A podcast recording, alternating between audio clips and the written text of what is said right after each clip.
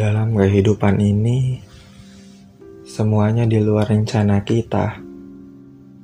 Bahwa ada skenario yang jauh luar biasa lebih indah yang telah dipersiapkan oleh Tuhan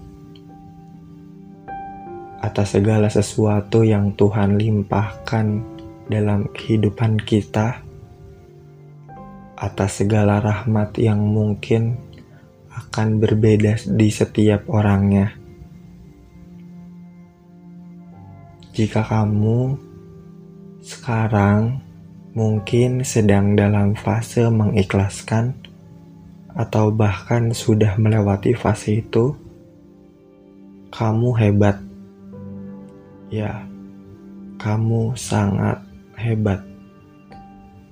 Mungkin setiap orang akan mengalami fase itu secara berbeda-beda.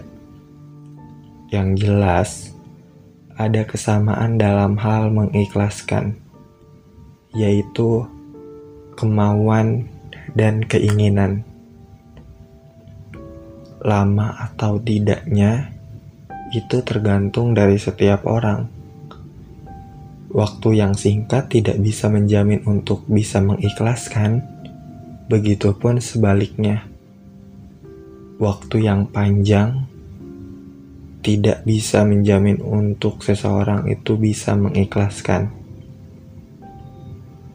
Mulai sekarang, belajarlah untuk menerima apa pun, apa pun yang sudah ditetapkan oleh Tuhan, sebab tidak mudah rasanya untuk berdamai dengan keadaan maupun berdamai dengan diri sendiri.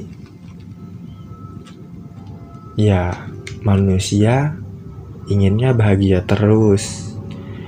Kita inginnya senang-senang terus.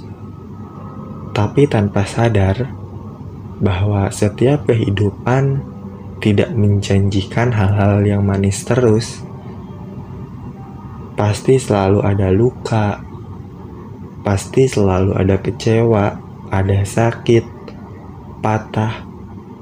Itu semua sudah digariskan oleh Tuhan. Itu semua tidak bisa dipungkiri kehadirannya.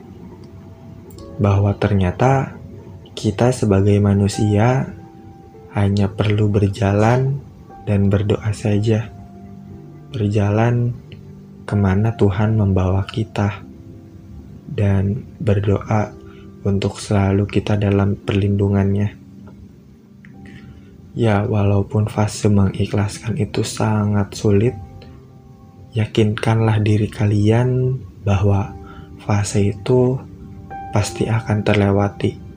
Bahwa waktu yang sulit itu pasti akan tergantikan dengan waktu yang mudah. Pastikan saja Tuhan bahwa diri kita mampu untuk melewati fase-fase ini. Ya, semoga saja kita bisa mengikhlaskan seseorang dan menemukan seseorang yang ikhlas menerima kita.